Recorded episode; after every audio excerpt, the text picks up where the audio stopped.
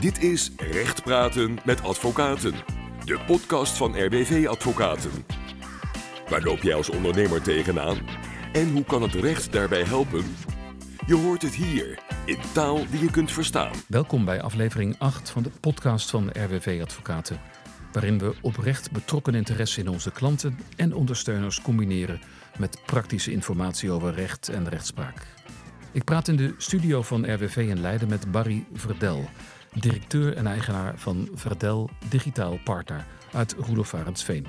Een digitale dienstverlener in informatisering en automatisering. En met zijn collega Chief Information and Security Officer Karel Jan Kuiter, voor wie veiligheid en automatisering hand in hand gaan. Hoe word je je bewust van gevaren die jouw computers en daarmee jouw bedrijf compleet plat kunnen leggen? En wat kan en wat moet je daaraan doen? Ik vraag aan Barry hoe ICT steeds meer met alle werkprocessen verweven raakt. En over hoe hij denkt over groei en over het maken van impact. En ik zaag Karel Jan door naar onmisbare tips en tricks om jezelf tegen hackers en ander digitaal onheil te beschermen. Mijn collega bij RWV, advocaat Jeroen Joustra, praat je onder de oploskoffie bij over hoe je als bestuurder van een BV toch aansprakelijk kan zijn. Alle tijd dus voor actie, zonder ChatGPT, AI of sprekende robots, maar met echte mensen aan tafel, die een missie en een boodschap hebben. Ik ben Bob Heren, advocaat, mediator en zakelijk gespreksleider bij RWV Advocaten. De cliënt verkent. Als je wil weten waar het echt om gaat. Heren, eh, welkom bij de RWV Podcast Studio. Uh, Barry Verdel, uh, ik heb onlangs een boek gelezen, Ondernemers Verklappen, waarin jij uh, wordt geïnterviewd. Dat boek is van Hans van Dalen en Martine Goulmy overigens. En jij zegt daarin, ik kan met niets tevreden zijn, maar ik ben nooit tevreden. Leg eens uit. Ja, dat, daar kom je dan achter naarmate je wat ouder wordt, denk ik, dat je zo in het leven staat. Ik ben helemaal niet geld- of materialistisch gedreven, zeg maar. Maar tegelijkertijd ben ik ook niet zo heel gauw tevreden over hoe dingen gaan. Dus ik ben in het bedrijf continu, continu aan het optimaliseren. Um, nou, dat, dat lijkt soms alsof je ontevreden bent, maar dat is het dus niet. Nee, je bent een perfectionist, zeg maar, die gaat voor het algemeen belang. Ja, in zekere zin wel. Zeker. Okay. Ja. Dat is interessant. Daar praten we straks zo meteen nog even over door. Naast jou, uh, Karel-Jan uh, Kuiter. Ik twijfelde even of ik jou CISO zou noemen of Chief Information and Security Officer. Maar je houdt je bij, bezig met veiligheid, geloof ik, hè? Ja. Mag ja. me zorgen maken om de ICT-omgevingen van onze klanten. Ja, en nou heb jij ooit gezegd dat de mens de laatste firewall is tegen cybercriminelen. En dat je daarmee niet bedoelt dat het de zwakste schakel is. Kun je dat ook uitleggen? Ja, kijk, um, de zwakste schakel, dat klinkt zo negatief. En ik draai me even om dat je hem als positief moet gaan uh, benaderen. En uh, als je het hebt over cybersecurity, dan gaat het natuurlijk ook over de mens. Proces en techniek uiteraard, maar de mens is ook een belangrijk onderdeel daarvan. En als je dan uh, de mensen kan opleiden in het herkennen van phishingmailtjes, dan zorg je ervoor dat de hacker niet uh, in jouw organisatie binnen kan ja, daar gaan we zo meteen ook nog over doorpraten, want dat, is, uh, dat zijn ook allemaal termen die uh, denk ik enige toelichting behoeven. Jeroen Joustra, advocaat bij, bij RWV. Jeroen, jij bent in een vorig leven managing director geweest van een reclamebureau en daar zag jij de noodzaak en het nut om creativiteit juridisch goed te beschermen. Wat ging er eigenlijk zo wel mis die tijd? Uh, nou, gelukkig uh, is mij een hoop bespaard gebleven. Maar um, uh, ik ben inderdaad creatief aangelegd. Ik vond het leuk om muziek te maken, zelf composities te schrijven. En daarin is eigenlijk mijn eerste inkling voor auteursrecht ontstaan. hoe leg je dat vast? Hoe registreer je dat? Nou, dat schijnt heel makkelijk te kunnen bij de Belastingdienst. Maar ook hoe kun je daar op een goede manier mee omgaan? Uh, ik was vrij jong toen ik mijn eerste platencontract uh, aangeboden kreeg als uh, componist. is helaas niks geworden, maar toen kreeg ik wel al een eerste stapel van Polygram Music Publishing, waarin alle ins en outs van de muziekindustrie werden uitgelegd. die overigens toen nog volledig op CD was. maar dat is eigenlijk mijn eerste uh, kennismaking met het juridische aspect van creativiteit geweest. Oké, okay, dan hopen dat Nederland het uh, Songfestival wint, want dan kun jij volgend jaar mee gaan doen, zou je zeggen. Ik ga in ieder geval kijken. Heel goed. Barry Verdel, jij bent uh, ondernemer. En um, hoe komt een um, student economie die ooit bij zijn ouders op zolder begint aan een bedrijf met 70 mensen? Zo, Eh, dat is een goede vraag. dat moet natuurlijk in het kort geantwoord eh, worden. Ehm, eigenlijk is het zo gegaan dat ik, eh, eh, ik studeerde economie, later management economie en recht. Dus ik was heel erg geïnteresseerd in het eh, bedrijfsleven, in het bedrijfsproces. En ik had eigenlijk voor mezelf het idee om een, eh ja, middelmanagementfunctie ergens te gaan bekleden. Maar omdat ik zoveel tijd had naast mijn studie, leek het me wel aardig om een bedrijfje op te richten. En ICT was mijn hobby. Dus ik ben o- kleiner ondernemers met name gaan helpen als parttime baantje. En dat is een klein beetje uit de hand gelopen. Dat is de korte versie. Ja, want je bent volgens mij ook met een winkel begonnen, toch niet? Ja, dat was wel iets later hoor. En eh, ik ben altijd best wel een beetje aan het nadenken geweest over positionering. Van wat begrijpen ondernemers nou en, eh, en wat werkt goed. Dus ik, eh, ik was eigenlijk een klein bedrijfje, zat op een bedrijventerrein, niet zo zichtbaar. En eigenlijk gek genoeg, juist toen we de winkel hadden, die met name voor particulieren was ingericht, maar ook wel voor ZZP'ers en dergelijke, ja, kreeg het bedrijf een gezicht. En dat is denk ik nog steeds heel belangrijk, dat je een plek hebt om binnen te kunnen lopen en dat je zichtbaar bent. Ehm, dus zo is eigenlijk die winkel gekomen in 2002. Ja. En daar verkochten jullie dan eh, computers of zo? Of, ehm, Ja, zeker. Computers, laptops en eh, alles wat erbij komt kijken. Ja. Ja, maar, en wat jullie nu doen is denk ik iets heel anders. Hè? Want, want die verkoop van, van hardware, dat is denk ik niet meer zo'n eh, core business. Of, Nou, weet je, het, het, idee, het idee is eigenlijk altijd geweest dat we eh, gebruikers blij willen maken. Dus Ja. gebruikers die hebben meestal een andere werk dan ICT. Dus die, die zijn planner bij een transportbedrijf of advocaat. En eh, die willen hun werk eh, goed doen. En dat is eigenlijk nooit anders geweest. En vroeger deden we dat inderdaad wat meer op eh, ja, hardware en servers installeren en heel technisch. En tegenwoordig is dat nog steeds heel erg belangrijk. Dus we verkopen ook nog steeds wel degelijk hardware, omdat we die gebruiker met zijn apparaat nog steeds heel belangrijk vinden. Want daar zit heel veel van de, ja, het gebruikersplezier, zeg maar. Maar we zijn wel veel meer in de consultancyhoek. mensen aan het helpen, nadenken hoe je slimmer kan werken en dergelijke. Dat is wel heel erg veranderd. ja, want ICT is natuurlijk een heel groot begrip. Hè? Ja. En ik heb wel eens een keer te maken gehad met een, ehm, met een bedrijf, was geloof ik een deurwaarderskantoor. En die zei ja, ehm, als je onze bedrijfsprocessen bekijkt, dan gaat het eigenlijk, het belangrijkste is eigenlijk de ICT. Ik bedoel, de, diensten zijn ook leuk natuurlijk, alle dagvaardingen die we uitbrengen en zo. Maar kun jij dat onderschrijven, dat, dat, dat eigenlijk alles ICT is tegenwoordig? Nou, ICT is wel overal. Dat kan ik wel onderschrijven. Ik denk dat je twee soorten bedrijven hebt. Eh, voor de ene bedrijf is ICT facilitair. Eh, waarbij het, eh, het facilite- faciliteert aan het werk wat er ge- gebeuren moet. En soms is ICT digital business. Dus dan is, het, dan is het daadwerkelijk een heel belangrijk onderdeel van de business van een klant. En een eh, mooi voorbeeld is als je in een webshop bent. Ja, dan is het heel duidelijk. Dan gaat het over ICT. Hè, want je bent online. alles gaat geautomatiseerd. En denk als je een bouwbedrijf bent, dan wordt er een heel groot deel van je proces gewoon gedaan door mensen met een ambacht. Nee, zeker. Maar dan moet je je voorraad natuurlijk ook, ook digitaal beheren en, en de, de opdrachten van de klant en dat soort dingen, zaken meer. En Ja. bedoel, wij als RWV eh, mogen ook met jullie eh, samenwerken. En ja, ik zou de, de, de automatisering niet meer weg kunnen denken uit de hedendaagse praktijk van de advocaat. En dat zou de komende jaren nog wel eens een, eh, een vlucht kunnen nemen. Ja, eh, Karel Jan, ehm, jij, jij bent bezig met veiligheid, zei je net. Ehm, nou is het wel zo dat, dat naarmate de ICT steeds meer opkomt, dat je ook, ook nieuwe soorten criminelen krijgt. Kun je daar iets over vertellen?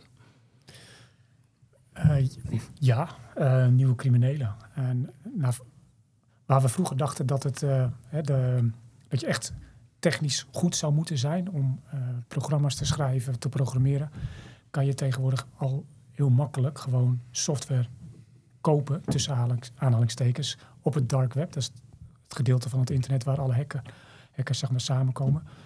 Om software te, te gebruiken op, je, op, op, op, op een computer gewoon bij iemand gewoon eh, bij jou thuis. Dan hoef je zonder dat jij hackkennis hebt, eh,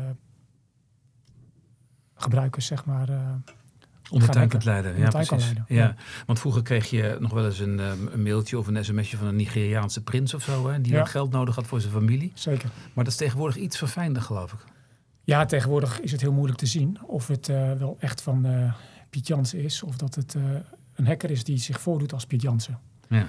En je zegt eigenlijk die hackers die, die, die ehm, hoeven niet meer zo slim te zijn als vroeger, zou ik maar zeggen. Dus ik, ik zou mij ook in het hacken kunnen bekwamen als ik dat zou willen. Ja, ja. ja. ja. Hey, en en wat, wat doe jij, zeg maar, als ehm, ja, in de afkorting CISO, dus Chief Information Security Officer bij, bij bedrijven om dat hacken door anderen tegen te gaan? Nou, vooral de, de lat qua toegang naar de data van de organisaties op een hoger niveau leggen. Dus dat je ervoor zorgt dat niet iedereen zomaar vanaf elke locatie op de omgeving kan inloggen. Ehm, Ik bedoel, als jouw organisatie zich alleen maar in Nederland bevindt, waarom sta je het dan toe dat er bijvoorbeeld uit Oekraïne of uit Rusland of uit Taiwan ingelogd mag worden op jouw omgeving? Sluit dat uit. Mhm. Ja, En zorg voor multifactor authenticatie. maar dat, dat moet je even toelichten. Een tweede code, dus op het moment dat jij inlogt met jouw gebruikersnaam en wachtwoord, dat jij op jouw mobiel eh, een berichtje binnenkrijgt of een code krijgt die je nogmaals moet invoeren. Ah, oké. Ja, die tweede factor, dat, dat je echt Bob Heren bent. Ah, oké. Dus als ik inderdaad mijn wachtwoord ehm, eh, kwijt ben en er, er komt een hacker en die denkt ik ga mijn computer maar eens even, de computer van Bob maar eens even in, dan zal die toch ook nog eh, een tweede wachtwoord nodig hebben. Klopt. Ja, oké. Kijk, en als jij al die drempels allemaal bovenop elkaar legt, hè, je, je hebt een multifactor, je kan niet uit Taiwan inloggen, ehm, je hebt een compliant werkplek nodig. Elke drempel die zorgt voor een verhoging van jouw beveiliging. Ja, sorry, maar een compliant werkplek, dat is ook toch Ja. niet helemaal duidelijk. Die leg ik even uit. Ja. Ehm, een compliant werkplek, daarmee eh, bedoel ik eigenlijk dat als ICT-organisatie, eh, of als, als eh, leg je een aantal eisen op waar een werkplek aan moet voldoen. Dus de werkplek van RWV, is die opgenomen in de omgeving van RWV? Of eh, is het een huiscomputer van iemand uit Groningen? Eh, Ja. Heeft hij minimaal versie eh, Windows 11? Heeft hij alle updates geïnstalleerd? Heeft hij een antivirussysteem op zijn station Ja. staan? Het zijn allemaal eisen die jij op kan leggen aan jouw compliant werkplek. En op het moment dat jij compliant bent, dan mag je inloggen. Ja, precies. Dat is weer één drempel. Oké. Oké. Hey, en, Je- en Jeroen, ehm, dat kan dus ook wel behoorlijk eh, misgaan. Hè? Dus ik zou maar zeggen, als er nou mensen zijn die niet zulke goede eh, ondersteuners hebben als, eh, als Verdel, dan, dan ehm, kunnen hackers hun, hun werk gaan doen. En hoe gaat dat tegenwoordig dan? Wat, wat, wat, wat gebeurt er dan? Ja, eh, sorry. Het is, het is denk ik een, een combinatie van enerzijds onwetendheid, anderzijds ook wel gemakzucht. Karel Jan legde net uit over die twee-factor authenticatie. Ja, dat is gewoon een extra, extra stap die je moet nemen eh, om in te loggen. En heel veel mensen vinden dat eh, eigenlijk maar lastig en proberen dat eh, zoveel mogelijk uit te stellen. En hetzelfde geldt een beetje voor wachtwoorden die je gebruikt. Eh QWERTY 1, 2, 3, 4 eh, is volgens mij nog steeds een van de meest gebruikte wachtwoorden. En dat heeft er puur mee te maken dat mensen het lastig vinden om een moeilijk wachtwoord te onthouden. En al helemaal niet de moeite nemen om een, een, een programmaatje daarvoor te gebruiken die verschrikkelijk moeilijke wachtwoorden voor jou kan eh, genereren, invullen en ook onthouden. Dus dat zijn vaak hele menselijke aspecten die al aan zo'n eh eh, cyberongeluk, om het even zo te noemen, een hackaanval ten grondslag liggen. Oké. Barry, nog even terug naar jou, want er is dus business genoeg hè, tegenwoordig, denk ik. Voor een, een pionier als jij is het natuurlijk heerlijk werken, denk ik. Ehm, nou, heeft jouw bedrijf een behoorlijke vlucht eh, gemaakt? Hè? Ik, ik stelde net inderdaad even een hele, hele snelle vraag van, eh van eenmanszaak naar ehm, een bedrijf met 70 mensen. Maar jullie, jullie werken op een hele bijzondere plaats. Hè? Kun je daar iets over vertellen? Ehm, zeker. Ja, wij werken in, eh, in een schoolgebouw. En eh, eigenlijk een eh, jaar of vier en een half geleden is dat idee een beetje gaan, gaan, gaan broeden. Wij hebben toen besloten dat we in ieder geval een zelfstandig bedrijf wilden zijn. Dus we wilden niet door een private equity partij overgenomen worden, maar we wilden zelfstandig blijven. En hadden we een hele, heleboel goede redenen voor waarom we dat wilden. Maar dan moesten we wel een beetje ja, toch wat volume krijgen. En we moesten ook onze positionering wat veranderen. Want we wilden wat volume om van alle soorten specialisten in je bedrijf ook niet eentje te hebben, maar wat meer.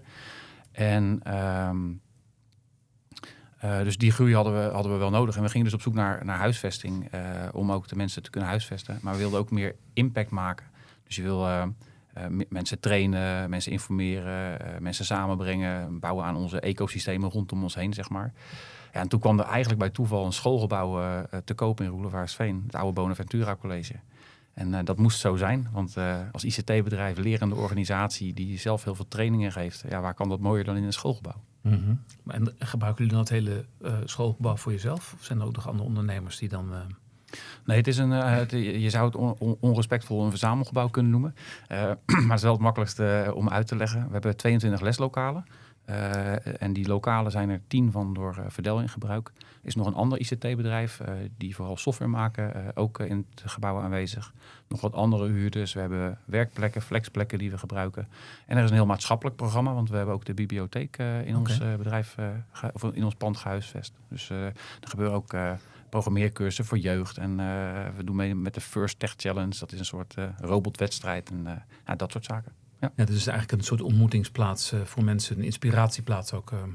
Ja, een uh, inspiratieplaats en een plek om te leren en te ontwikkelen. Om te, ja, een soort, om te uit, uit te vinden, te ontdekken. Ja, ja een, een plek om te kwaliveren. Ja, dat, je hebt je voorbereiding goed gedaan inderdaad. Wat is dat voor woord eigenlijk?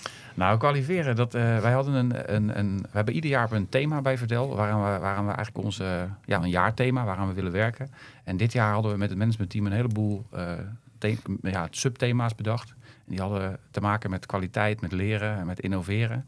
En we wilden ons gaan kwalificeren eigenlijk tegen de wat grotere IT-partijen, uh, die vaak dan private equity gestuurd zijn.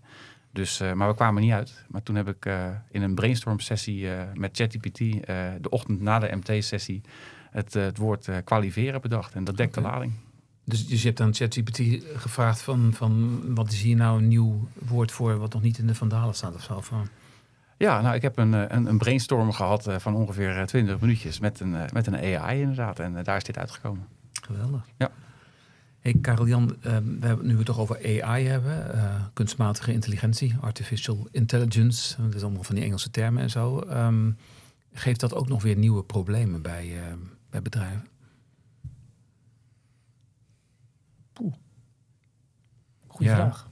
Ja. Daar heb ik niet op voorbereid, Bob. Nee. nee. um, dat mensen misschien zelf wat, wat dingen gaan lopen hobbyen of zo. Um. Wat, wat, wat mij uh, daarin wel opvalt, is dat het uh, tegenwoordig vrij eenvoudig is om iemand na te doen. Uh, met ja, een paar foto's, met een paar fragmenten van stemmen, kun je uh, iemand nadoen en op die manier een eerste entree forceren bij een bedrijf. Ja, nou zeker. Vanuit, die hoek inderdaad. Hè. Je kan teksten dus inspreken en dan met 10 seconden spraak van iemand kan je al een volledige tekst laten inspreken en nadoen en laten versturen naar hey, papa, ik heb mijn telefoon verloren. Um, Snap ik. Nee, het was misschien ook een beetje een moeilijk bruggetje. Mijn vraag naar um, wat ik weet wat jij doet, dat zijn de zogenaamde awareness uh, sessies. Um, kun je daar iets over vertellen? Ja, nou met, met awareness sessies laat ik uh, zien hoe een hacker dan zeg maar, te werk gaat. Hè. Wat is een startpunt? Mm -hmm. um, iedereen die begint, als hij naar vakantie gaat, begint hij weer Google. Uh, hackers gebruiken dat ook gewoon. Die gaan gewoon informatie ophalen vanaf het internet. Wat kan die vinden over jou? Wat kan die vinden over jouw organisatie? welke openbare bronnen zijn er gewoon? Hè? Want um, Iedereen die deelt wel gegevens op het internet. En daar gaat een hacker mee aan de slag. En dan zal hij ook gaan proberen om vanuit die hoek bij jou binnen te, te willen komen. Ja. En, en, dan krijg je soms een, um, een mailtje van bol.com of van, van ING van u moet uh, uw, uh, uw wachtwoord aanpassen of zo. Bijvoorbeeld, of um, ja, ik, ik heb legio voorbeelden, maar ik kan ook uh, vanuit LinkedIn worden er wel berichten gestuurd dat iemand um, geïnteresseerd is in jouw profiel. Uh, dat, of dat er iemand een bestandje gedeeld heeft, of inderdaad een wachtwoordwijziging vanuit je Microsoft-account. Ja, het zijn, het zijn legio voorbeelden die je kan gebruiken om mensen toch op een linkje te laten klikken. Mm -hmm. uh, en wat, wat gebeurt er dan als je op zo'n linkje klikt? Nou, dan word je vaak naar een, uh, een omgeving getrokken waar je niet naartoe wil gaan. Want dat mm -hmm. is dan de omgeving of de, de website van de hacker waar die informatie van jou wilt. Want hij wil namelijk altijd wat van jou. Mm -hmm. Ge persoonlijke gegevens of jouw wachtwoorden of en um, ja, op de achtergrond kan er dan een stukje software geïnstalleerd worden op jouw werkplek. En daarmee kan dan de hacker volledige controle krijgen over jouw werkplek, maar ook over het netwerk waar jij je op dat moment in bevindt. Ja. En dat is, de, dat is het grootste risico wat er is dan, ja. En dan kunnen je al je bestanden opeens versleuteld zijn. Ja, en, en, uh, en dus op het dark web terechtkomen, um, zonder dat jij als gebruiker eigenlijk ziet dat er daadwerkelijk uh, wat vervelends op de achtergrond aan de gang is. Ja. En uh, dus mijn advies ook eventjes aan iedereen eigenlijk... op het moment dat jij geklikt hebt op een link... denk niet van, uh, er is niks gebeurd, gelukkig. Want een hacker die neemt twee, drie maanden de tijd... om jouw omgeving in beeld te krijgen. Ja, Dus dan kan de klap later nog, uh, nog komen. En die komt vaak later, ja. Oké. Heren, het is tijd voor uh, oplossen koffie. En dan gaan we aan Jeroen vragen om ons eens wat te vertellen of je als uh, directeur of bestuurder van een BV eigenlijk wel gevrijwaard bent tegen schadeclaims. Oploskoffie. Pasklare antwoorden in de tijd van een bakkie. Je bent ondernemer en je bestuurt je eigen onderneming. Elke dag maak je keuzes. Keuzes die niet alleen het succes van je bedrijf bepalen, maar ook de veiligheid ervan in de digitale wereld. Met de groeiende afhankelijkheid van technologie worden cyberrisico's een steeds grotere bedreiging. Hier wordt er momenteel mee doodgegooid. Reclamespotjes, advertenties en infomercials waarin ondernemers worden aangespoord om vooral hun cybersecurity op orde te brengen. Maak je bedrijf veiliger. Houd hackers buiten de deur. In de praktijk is het opvallend hoe weinig ondernemers daadwerkelijk actie ondernemen. En dat is best gevaarlijk. In 2023 vond er wereldwijd om de 14 seconden een ransomware-aanval plaats. Dat zijn er dus 6000 per dag. Niet alleen grote ondernemingen zijn daarbij het doelwit. Steeds meer MKB-ondernemingen worden door hackers op de korrel genomen. En maar liefst 60% van de gehackte ondernemingen in Nederland gaat binnen een half jaar na de hack failliet. Een onderneming die failliet gaat, heeft natuurlijk enorme impact. Maar ben je je bewust van de persoonlijke risico's die je als bestuurders loopt als het misgaat? Of steek je, zoals helaas zoveel bestuurders, liever je kop in het zand? Bij een faillissement wordt vroeg of laat jouw functioneren als bestuurder onder de loep genomen. Zowel de curator die het roer overneemt bij een faillissement, als aandeelhouders zullen erg benieuwd zijn naar de vraag hoe jij het ervan af hebt gebracht als bestuurder. Was de cybersecurity al wel op orde? Heb je signalen dat jouw onderneming kwetsbaar was in de wind geslagen? Heb je wel melding gedaan van de met een hack gelekte uh, persoonsgegevens? De juridische vraag die in dit verband gesteld wordt luidt: kan jou als bestuurder een ernstig verwijt worden gemaakt? In Nederland ligt de lat bij het beantwoorden van die vraag vrij hoog. Maar waan je niet ten onrechte veilig. Zo zegt de AVG dat personen die feitelijk verantwoordelijk zijn voor de cybersecurity persoonlijk aansprakelijk kunnen zijn wanneer zij hun zaken niet op orde hebben. Er kan een boete worden opgelegd van maar liefst 8 ton of in sommige gevallen 10% van de jaaromzet van de onderneming. De autoriteiten kunnen jou dus persoonlijk op de korrel nemen waar jij, wanneer jij de veiligheid niet op orde had. En dat geldt ook voor bestuurders die als een struisvogel hun kop in het zand steken en geen melding van de hek doen bij de bevoegde autoriteiten. In de Verenigde Staten, het land van de grote lawsuits, zien we al dat bestuurders door aandeelhouders persoonlijk aansprakelijk zijn gesteld na cyberincidenten. En dit scenario is in Nederland ook niet ondenkbaar. Zo vinden rechters al dat bestuurders aansprakelijk kunnen zijn wanneer zij geen goede verzekering hebben afgesloten en er schade is ontstaan. Is het dan alleen kommer en kwel in cyberland? Natuurlijk niet. Je kunt jouw mogelijke aansprakelijkheid als bestuurder aanzienlijk beperken wanneer je allereerst de technische aspecten van jouw cybersecurity op orde hebt. Maar je kunt je ook juridisch uh, je zaken goed regelen. Met goede algemene voorwaarden kun je aansprakelijkheid al ver beperken. En zorg dat jouw medewerkers zich goed bewust zijn van het belang van cybersecurity. Maak een draaiboek voor de gevallen waarin het toch misgaat. En misschien nog wel het meest belangrijk, zorg voor een goede verzekering. Door technische en juridische maatregelen te combineren, bouw je niet alleen een veiliger bedrijf, maar bescherm je ook je eigen toekomst als bestuurder. Dus neem het heft in eigen handen. Wees geen struisvogel, want op struisvogels is het makkelijk schieten.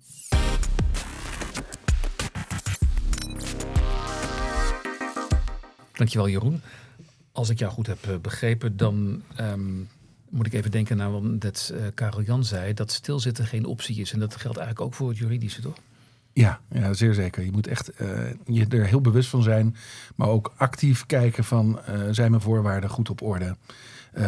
is het bewustzijn binnen mijn organisatie eigenlijk al aanwezig? Want daar begint het mee. in dat verband is jouw organisatie vaak even sterk als de zwakste schakel.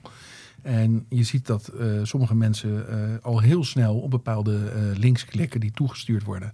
Een mooi voorbeeld daarvan is dat Verdel ook bij ons op kantoor natuurlijk met enige regelmaat een, simulaties uitvoert.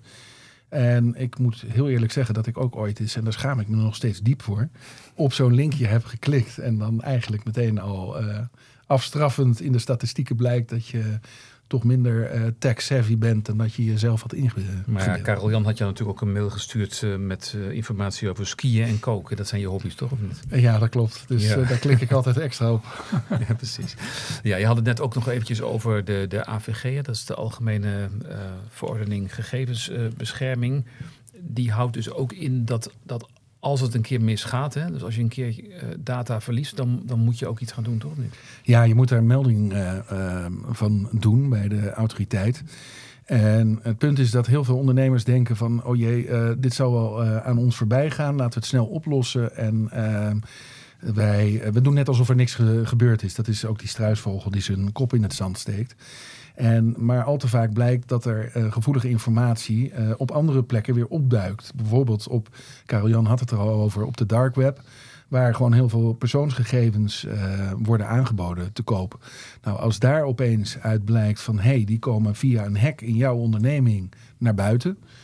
Uh, dan kun je echt uh, goed uh, aan de beurt zijn en daar best wel een goede boete voor krijgen. Ja, en de moraal van jouw verhaal is dat je je dan niet kunt beschermen achter een BV. Dat je die BV gewoon failliet laat gaan en denkt van nou, naar mij de zonsvloed. Ja, exact. Okay. er wordt dwars doorheen geprikt. Oké. Okay.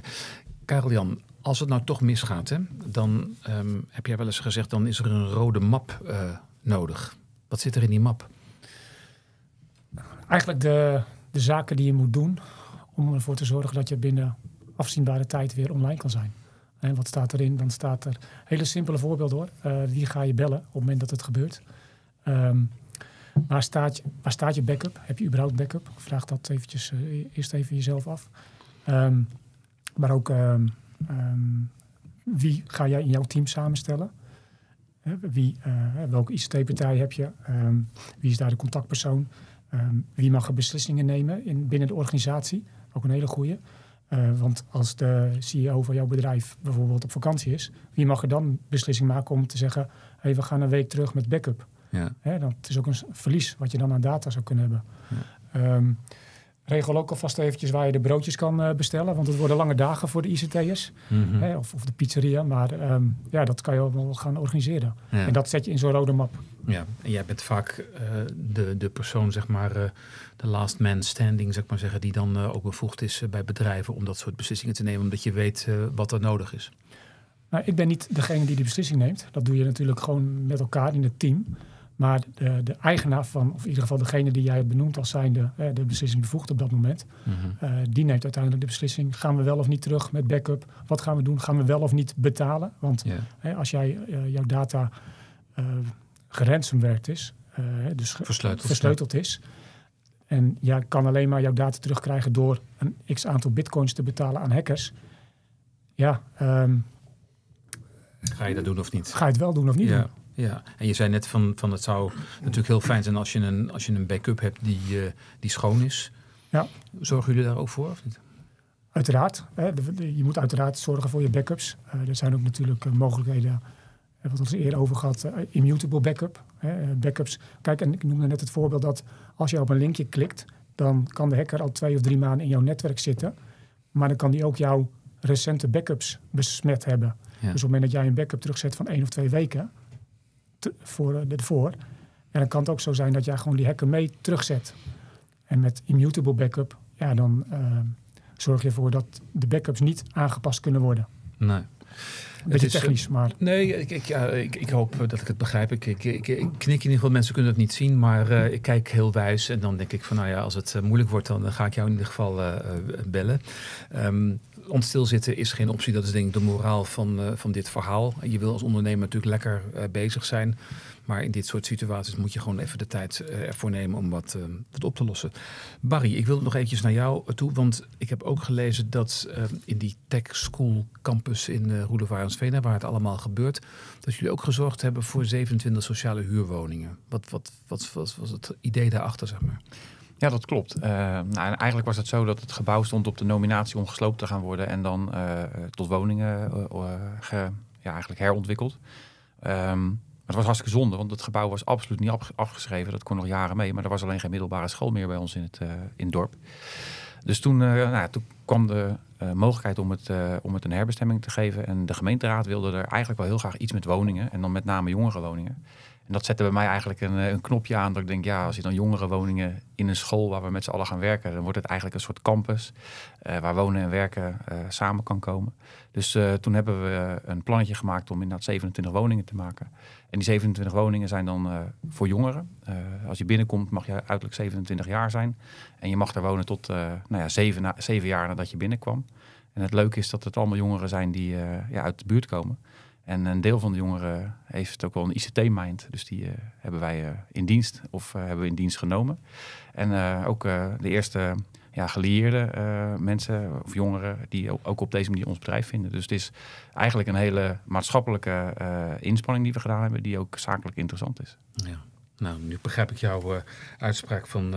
ik kan met niets tevreden zijn, maar ik ben nooit tevreden beter. Misschien moet je hem herformuleren, want ehm, ik denk dat jij, eh, toen je die uitspraak deed, eh, doelde op geld. Maar volgens mij ben je veel rijker, zeg maar, dan dat als je ziet dat zoveel mensen hun bestemming eh, vinden. Ja, oh zeker, dat is prachtig. Ja, Ja. Dat is nog iedere dag genieten. Zeker. Hey, nog even één, één dingetje. ehm, eh, hoe lang is het geleden? 20 jaar, eh, 25 jaar geleden dat wij elkaar in Ghana troffen? Ja, dat is twintig jaar geleden, denk ik. Ja. Ja. Ja, ja. En wat deed jij daar toen ook alweer? Ja, je kan het je bijna niet voorstellen, maar toen eh, eh, zorgde ik ervoor dat er ergens internet kwam. Eh 25 kilometer eh, vanaf een plek waar internet was, via een schotelverbinding. Ja. Daar was een, een wederzijdse relatie van ons, had daar een bedrijf. Zeker. En daar hebben we met, een, met wifi over ja, bijna 30 kilometer internet gerealiseerd. Ja, onvoorstelbaar vond ik het toen eigenlijk al wel. Want het was inderdaad een, een klant van mij. Die had daar een ananasfarm gerealiseerd. En ehm, hij zei tegen mij, joh, eh, kom eens even kijken. Ik had er wel wat contracten voor geschreven en zo. Maar eh, ik heb volgens mij die, die hele week helemaal niets gedaan. Jij des te meer, jouw echtgenoot eh, ook, die jou liefdallig eh, assisteerde. En jij m- zorgde letterlijk voor touwtjes... om die internetverbinding tot stand te komen, te brengen. En dat is ook gelukt, toch? Ja, zeker. Ja. Ja. Ja, Ja, zeker. Ik, ik had gedacht dat ik dat in een uurtje of acht eh, voor, me, voor elkaar zou krijgen. Maar dat was zeven dagen bijna eh, onof, eh, ja, onlos, ononderbroken doorwerken. Het ging een beetje anders dan eh, in Nederland. Ja. Verlang je nog wel eens terug naar, naar die situatie dat je zelf lekker dat handwerk allemaal doet? Nou, je zou nou hopen dat ik ja zou zeggen, maar eh, eigenlijk niet. Ik eh, vind dat ons bedrijf eh, ieder jaar mooier is geworden. En eh, ik eh, vind het ook heel fijn dat ik nu weer heel veel met ondernemers kan praten. Maar ook met mijn eigen collega's, maar dan meer coachend. En dat het bedrijf zelfstandig draait. En ik moet heel eerlijk zeggen, Bob, dat als thuis mijn laptop kapot is, dan breng ik hem ook gewoon naar de zaak. Ja, heel goed. Ja. Ja. Ja. Ja, Karel-Jan, kan jij je leven zonder, ehm, zonder automatisering voorstellen? Eigenlijk niet. Nee. Nee. Nee. Ik zit vanaf het begin af aan zelf ook al in de ICT, eh, nadat ik van de school ben eh, gestapt. Maar ehm, nee, ik kan geen leven zonder ICT meer eh, bedenken. nee. Maar je houdt ook wel van voetbal en tennis, heb ik begrepen. Zeker. Ja. Ja. precies, Op dit moment iets minder vanwege Ajax, maar eh, Ja, ja maar dat komt altijd in een volgend eh, seizoen weer, weer goed. zeker. Hey, en ehm, Jeroen, maak je nog wel eens muziek of heb je er geen tijd meer voor?